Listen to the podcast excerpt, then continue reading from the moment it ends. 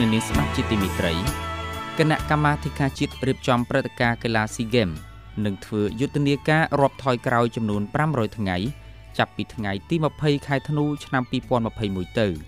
ទាំងនេះដើម្បីជំរុញការផ្សព្វផ្សាយព្រឹត្តិការណ៍ SEA Games និង ASEAN Para Games នៅឆ្នាំ2023ក៏ដូចជាក្រើនរំលឹកដល់ប្រទេសជាសមាជិកដែលត្រៀមខ្លួនចូលរួមប្រកួតទាំង11ប្រទេសនិងអ្នករៀបចំព្រឹត្តិការណ៍ រួមទាំងប្រទេសកម្ពុជាយើងផងដែរនោះឲ្យដឹងថាព្រឹត្តិការណ៍កីឡា SEA Games កាន់តែខិតជិតចូលមកដល់ហើយនិងឲ្យកីឡាករកីឡាការិនី អ្នកជំនាញគណៈកម្មការនិងភាគីពាក់ព័ន្ធទាំងអស់ត្រៀមខ្លួននិងខិតខំប្រឹងប្រែងបំពេញតួនាទីភារកិច្ចនិងការទទួលខុសត្រូវទៅតាមផ្នែកនីមួយៗឲ្យបានរួចរាល់តទៅនេះសូមលោកអ្នកនាងស្ដាប់បទយការបស់វិទ្យុជាតិកម្ពុជា ស្ដីពីយុទ្ធនាការ500ថ្ងៃឆ្ពោះទៅកាន់ព្រឹត្តិការណ៍កីឡា SEA Games លើកទី32ដូចតទៅ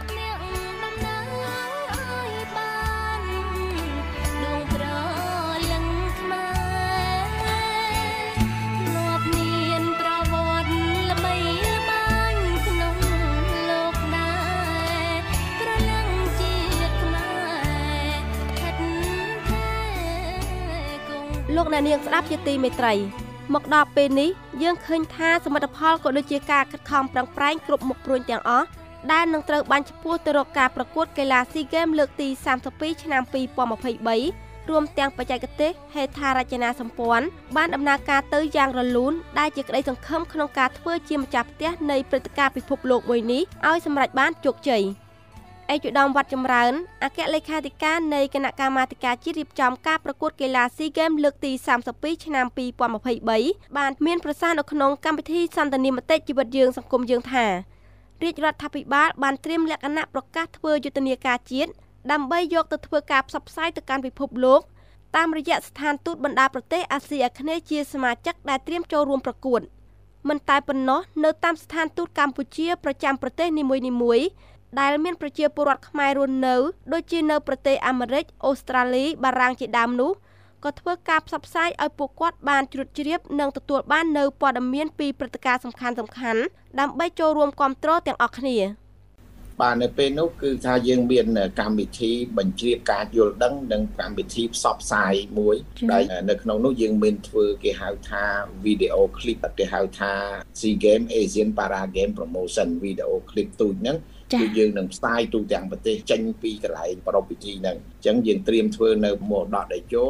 មានឧបករណ៍សម្រាប់ផ្សព្វផ្សាយហើយស្រាប់យើងធ្វើជាវីដេអូផ្សព្វផ្សាយហើយក៏យើងត្រៀមសារដ៏សំខាន់សំខាន់របស់ថ្នាក់ដឹកនាំជាពិសេសគឺសារលិខិតជំរុញការផ្សព្វផ្សាយថ្នាក់ជាតិរបស់យើងនឹងរបស់សម្ដេចតេជោនាយករដ្ឋមន្ត្រីគឺសារទាំងអស់ហ្នឹងបូកជាមួយនឹងការធ្វើវីដេអូខ្លីស្ដីពីការផ្សព្វផ្សាយកម្ពុជាទៅក្រៅប្រទេសគេហៅថា Cambodia 2023ផ្សព្វផ្សាយព្រឹត្តិការណ៍កម្ពុជានៅឆ្នាំ2023ហ្នឹងទៅ គ្រប់ស្រទាប់នៅក្នុងមហាជនក្នុងប្រទេសរបស់យើងតាមបណ្ដាញផ្សព្វផ្សាយទាំងអស់គឺថ្ងៃហ្នឹងគឺត្រូវផ្សព្វផ្សាយទាំងអស់គ្នាអំពីយុទ្ធនាការនេះហើយនឹងមានកម្មវិធីជាច្រើននៅក្នុងពេលដែលយើងផ្សាយបន្តផ្ទាល់គ្រប់ទូរទស្សន៍ទាំងអស់នៅក្នុងពិធីរាប់ថយក្រោយ500ថ្ងៃហ្នឹងបាទឯកឧត្តមមានប្រសាសន៍លើកឡើងទៀតថាសម្រាប់យន្តការផ្សព្វផ្សាយនៅក្នុងប្រទេសវិញគឺមានគណៈកម្មការអូឡ িম্প ិក ក្រសួងវប្បធម៌និងវិចិត្រសិល្បៈក្រសួងអប់រំយុវជននិងកីឡាសាលារាជធានីភ្នំពេញនិងនៅតាមបណ្ដារដ្ឋបាលខេត្តទាំង24បានត្រៀមខ្លួនរួមចំណែកនៅក្នុងការផ្សព្វផ្សាយពិសេសនៅតាមដងផ្លូវគ្រប់ខេត្តទាំងអស់នៅទូទាំងប្រទេសក៏មានការតុបតែងដាក់ស្លាកពាក្យស្លោកនានាដើម្បីបញ្ជ្រាបការយល់ដឹងឲ្យបងប្អូនប្រជាពលរដ្ឋទាំងអស់គ្នាត្រៀមខ្លួនថា500ថ្ងៃទៀតកម្ពុជានឹងក្លាយជាម្ចាស់ផ្ទះព្រឹត្តិការណ៍កីឡាស៊ីហ្គេម មួយវិញទៀតនៅថ្ងៃធ្វើយុទ្ធនាការ500ថ្ងៃឆ្ពោះទៅកាន់ព្រឹត្តិការណ៍កីឡាស៊ីហ្គេមលើកទី32គឺគ្រប់ស្រទាប់មហាជនក៏ដូចជាបណ្ដាញផ្សព្វផ្សាយទាំងអស់ដូចជាកាសែតទស្សនាបតីវិទ្យុទូរទស្សន៍និងចូលរួមផ្សព្វផ្សាយបន្តផ្ទាល់ផងដែរប្រទេសទាំងអស់ថាគេកោតសរសើរកម្ពុជា គេនឹងត្រៀមខ្លួនជានិច្ចដើម្បីចូលរួមជាមួយនឹងកម្ពុជាលើកកម្ពស់ នៅការប្រកួតព្រឹត្តិការណ៍ដ៏អស្ចារ្យនៅកម្ពុជាលើកទី1ដែលកម្ពុជាធ្វើម្ចាស់ផ្ទះនេះគេគ្រប់គ្រងទាំងអស់គ្នាគេត្រៀមខ្លួនទាំងអស់គ្នាហើយគេនឹងបដិញ្ញាថាចូលរួមលើកស្ទួយនៅព្រឹត្តិការណ៍នេះឲ្យមានភាពអស្ចារ្យថាមិនដែលមាននៅក្នុងប្រវត្តិសាស្ត្រនៃ SEA Games មុនមុនបាទហើយយើងនឹងធ្វើអ្វីអ្វីដែលគេទាំងអស់គ្នាចង់បានគេទាំងអស់គ្នានៅមានការខ្វះខាតអញ្ចឹង10ប្រទេសដែលនៅក្នុងភូមិភាគអាស៊ីអាគ្នេយ៍របស់យើងនេះតែគេបានសប្បាយចិត្តណាស់ដោយកម្ពុជាបានធ្វើម្ចាស់ផ្ទះ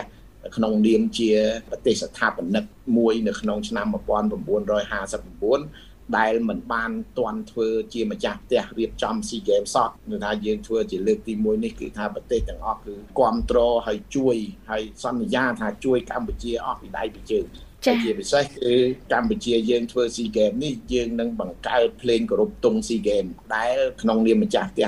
2023ហ្នឹងនឹងមានកំណត់ត្រាមួយទៀតដាក់ថាចេញពីកម្ពុជាទៅហ្នឹងគឺភ្លេងរបស់ SEA Games ប្រចាំ SEA Games ហ្នឹងនឹងធ្វើការគោរពគ្រប់ SEA Games បន្តបន្តទៀតប្រវត្តិនៃ SEA Games គឺកាត់ឡើងតាំងពីឆ្នាំ1959 ដែលកម្ពុជាគឺជាស្ថាបនិកនៃប្រទេសទាំង6នៃការប្រកួត ដែលគេដាក់ឈ្មោះថា SIP Game បានន័យថាគ្រាន់តែជាប្រទេសក្នុងឧបទ្វីបអាស៊ីអាគ្នេយ៍មិនទាន់ជាតំបន់អាស៊ីអាគ្នេយ៍នៅឡើយទេដូច្នេះព្រឹត្តិការណ៍នេះពិតជាមានសារៈសំខាន់ណាស់សម្រាប់ប្រទេសកម្ពុជាឯកឧត្តមវត្តចម្រើន មានប្រសាសន៍បញ្ជាក់ថានៅក្នុងយុទ្ធនាការ500ថ្ងៃនេះនៅមានការរៀបចំពិធីពិសេសពិសេសជាច្រើនក្នុងនោះក៏មានការរៀបចំជារូបនិមិត្តសញ្ញារបស់ SEA Games ដែលមានសុភាទុនសាយមានឈ្មោះថាបុរីនិងរំដួលនឹងធ្វើការបង្ហាញខ្លួនយ៉ាងពិតប្រាកដដើម្បីចេញមកទទួលស្វាគមន៍ភ្ញៀវនិងបញ្ជាក់ថា500ថ្ងៃទៀតយើងនឹងជួបគ្នានៅក្នុងព្រឹត្តិការណ៍ដ៏អស្ចារ្យនៅឆ្នាំ2023ហើយនៅក្នុងនោះដែរក៏មានការចូលរួមពីស្ថានទូតទាំងអស់របស់បណ្ដាប្រទេសអាស៊ីអាគ្នេយ៍ដែលជាសមាជិករបស់ SEA Games នៅកម្ពុជាផងដែរយើងត្រូវធ្វើអីខ្លះយើងត្រូវអោសសម្អាតផ្ទះយើងយ៉ាងម៉េចយើងត្រូវ ត្រៀមស្នាមញញឹមយើងយ៉ាងម៉េចដើម្បីទទួលភ្ញៀវនិងទទួលការរាក់ទាក់ដើម្បីជាកិត្តិយសដល់ជាតិរបស់យើងក្នុងនាមជាម្ចាស់ផ្ទះហើយពិភពលោកទាំងអស់នឹងបាញ់ឈ្មោះមកកម្ពុជា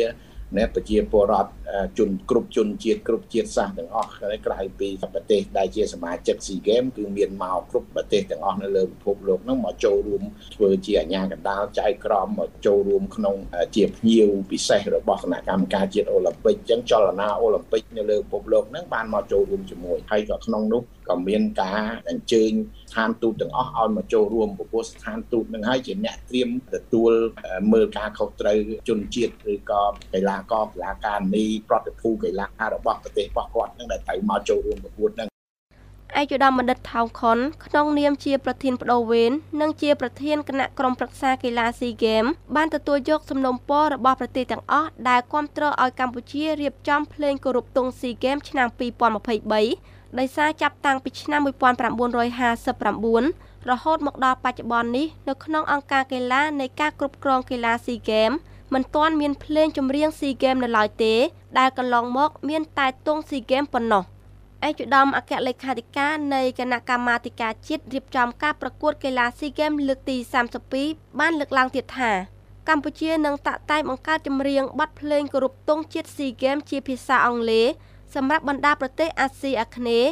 ដែលបទភ្លេងនោះផ្ដោតសំខាន់ទៅលើវប្បធម៌អរិយធម៌របស់ប្រទេសជាសមាជិកដើម្បីគ្រប់គ្នាអាចទទួលយកបាននៅក្នុងព្រឹត្តិការណ៍កីឡាស៊ីហ្គេម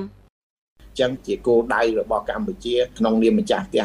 2023ហ្នឹងនឹងមានកំណត់ត្រាមួយទៀតដាក់ថាចេញពីកម្ពុជាទៅហ្នឹងគឺភ្លេងប្រចាំ SEA Games ហ្នឹងនឹងធ្វើការគោរពគ្រប់ SEA Games បន្តបន្តទៀតរាប់10ឆ្នាំបន្តទៅទៀតបាទ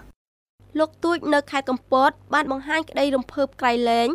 ដែលកម្ពុជានឹងធ្វើជាម្ចាស់ផ្ទះស៊ីហ្គេមនៅឆ្នាំ2023ព្រោះព្រឹត្តិការណ៍មួយនេះប្រជាពលរដ្ឋខ្មែរនៅទូទាំងប្រទេសបានទន្ទឹមរង់ចាំជាង60ឆ្នាំមកហើយគឺបញ្ហាស៊ីហ្គេមឆ្នាំ2023ហ្នឹងហើយខណៈធ្លាប់ឮនៅប្រទេសជិតខាងអញ្ចឹងណា ប្រទេសកម្ពុជាយើងយើងមិនដែលបានធ្វើជាម្ចាស់ផ្ទះយូរហើយបាទឥឡូវយើងបានធ្វើជាម្ចាស់ផ្ទះហ្នឹងហើយខ្ញុំនាមខ្ញុំជាពលរដ្ឋខ្មែរហ្នឹងខ្ញុំមានមោទនភាពខ្លាំងណាស់បាទរីឯប្អូនស្រីសៅភ័ណ្ឌនៅរាជធានីភ្នំពេញក៏បានសម្ដែងការសាទរចំពោះព្រឹត្តិការណ៍ដ៏មហាអស្ចារ្យនេះដែរថា អ្នកខ្ញុំខ្ញុំសប្បាយចិត្តខ្លាំងមែនទែននៅពេលដែលឮពួកឯកឧត្តមបកស្រាយយ៉ាងល្អខ្លាំងមែនទែនព្រោះខ្ញុំសប្បាយចិត្តខ្លាំងក្នុងនាមខ្ញុំជាប្រជាពលរដ្ឋខ្មែរព្រោះខ្ញុំគិតថានៅតាមផ្លូវនៅផ្ទះខ្ញុំហ្នឹងឆ្លងកាត់ផ្លូវ 6A បងហើយនៅទីនោះខ្ញុំមកសោតទៅលេងនៅវាមានឆ្នះឆ្នះនឹងដែរបង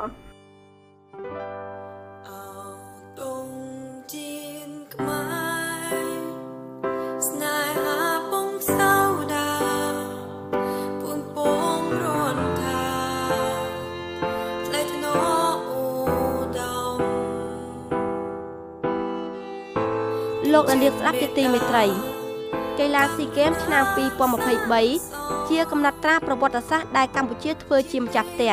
ដូច្នេះគណៈកម្មាធិការខេមសុកអំពាវនាវសូមឲ្យបងប្អូនប្រជាពលរដ្ឋទាំងអស់ចូលរួមគ្រប់គ្រងនិងរួមចំណែកក្នុងការជំរុញព្រឹត្តិការណ៍នេះឲ្យប្រព្រឹត្តទៅទទួលបានលទ្ធផលល្អដោយត្រូវគិតថាព្រឹត្តិការណ៍នេះជាព្រឹត្តិការណ៍របស់ប្រជាជនយើងទាំងអស់គ្នា ជាព្រឹត្តិការណ៍គ្រួសារខ្មែរនិងជាតិយើងទាំងមូល ពិសេសទៀតត្រូវចូលរួមយុទ្ធនាការកម្ពុជាស្អាតរួមគ្នាថែរក្សាបរិស្ថានអនាម័យសន្តិភាពឲ្យបានល្អប្រសើរដើម្បីលើកកម្ពស់សុខភាពសាធារណៈនិងដើម្បីបង្ហាញដល់ភ្ញៀវសំខាន់សំខាន់ជុំវិញពិភពលោកដែលបានមកចូលរួមព្រឹត្តិការណ៍ SEA Games នេះនាងខ្ញុំហៀងគុន្ធាវិទ្យុជាតិកម្ពុជា